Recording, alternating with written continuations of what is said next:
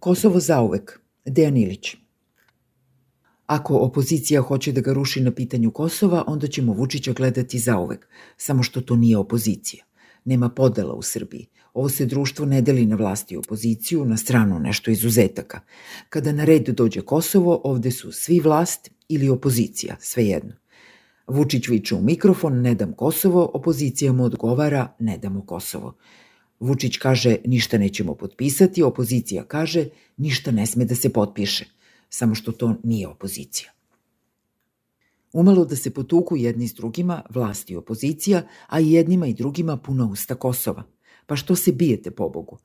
Zato što su ovi drugi izdajnici, naravno, odgovaraju u glas. A što su izdajnici? Hoće da daju Kosovo, a mi im ne damo. I jedni i drugi, dakle, ne date Kosovo. Tako je samo što su oni vlast, a mi opozicija. Samo što to nije opozicija. Ono nešto malo opozicije stoji sa strane i posmatra. Šta sad da kažemo, pitaju se. Da to neko gleda s Marsa, pitao bi se što se svađaju i tuku oni ljudi dole u parlamentu. Jedni su vlast, a drugi opozicija, glasio bi odgovor. A šta hoće vlast, a šta opozicija, nastavlja uporni Marsovac. Nije stvar u tome šta hoće, nego šta neće. Dobro šta neće. Neće da daju Kosovo, dakle neće isto, čudi se Marsovac. Jeste, neće isto. A po čemu se onda razlikuju, ništa ne razume Marsovac. Po tome što veruju da oni drugi ipak hoće da daju Kosovo, odnosno da su ga već dali. Samo što to nije opozicija, trebalo bi reći Marsovcu, kada bi ga to uopšte zanimalo.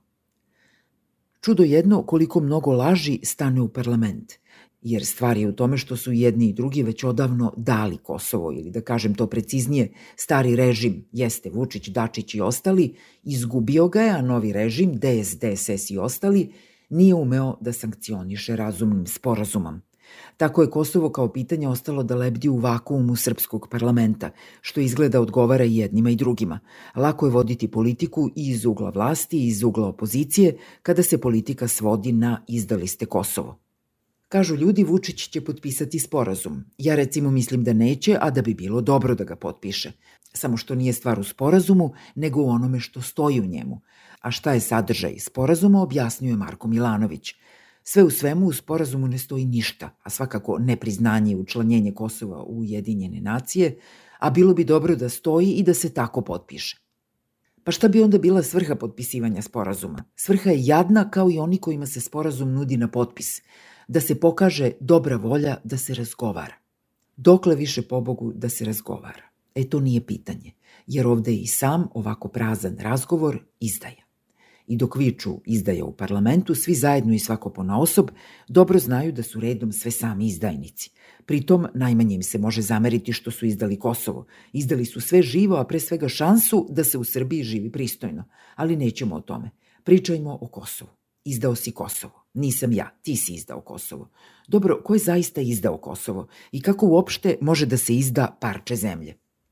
Pokušajmo ovako. Jel na toj zemlji žive neki ljudi? Žive. A kako žive? Loše. A ko je kriv što loše žive? Ko ih je izdao? A ako bi to parče zemlje bilo u Srbiji, da li bi živeli bolje? Ne bi. A ko je kriv za to? Ko ih je izdao? Samo što taj razgovor ne ide tako. A da u Srbiji ima opozicije, to bismo slušali. Ali igra se drugačije. Ono što viče da je opozicija i što ima puna usta Kosova, to sve govori isto što i Vučić. Jednom kad ne potpiše sporazum ili kada ga potpiše, a u sporazumu ne stoji ništa, šta će ta toboža opozicija da kaže? Ona druga, voleo bih da kažem prava opozicija, za sada ćuti, što možda i nije tako loše, iako deluje kukavički, jer ostavlja prostor da se reaguje i ako potpis izostane i ako se pokaže da ništa nije potpisano. Ali tu opoziciju čeka Vučić iza drugog ćoška – Šta ako uvede sankcije Rusiji, što je najavio sa možda? Dakle, ako se možda dogodi, šta radi ova druga možda prava opozicija, šta kaže na to? Da ne spekulišemo, pređemo na zaključak. Dokle god je meta opozicije isključivo Vučić, mi opoziciju nemamo. Pretpostaviti šta će Vučić da uradi, pa onda unapred biti protiv toga, to radi samo tobože opozicija. Prava opozicija bira teme, ličnosti je ne zanimaju, pa bio to i notorni Vučić – Dakle, da, od početka sankcije Rusiji. Da, sporazum sa Kosovom. Da, Kosovo više nije Srbija. Kaže jedan lažni opozicionar, kogod je pri zdravoj pameti u Srbiji, mora odbaciti sporazum. Ej, opozicionar, Eto obećanja demokratije posle Vučića. Drugim rečima, i posle Vučića Kosovo.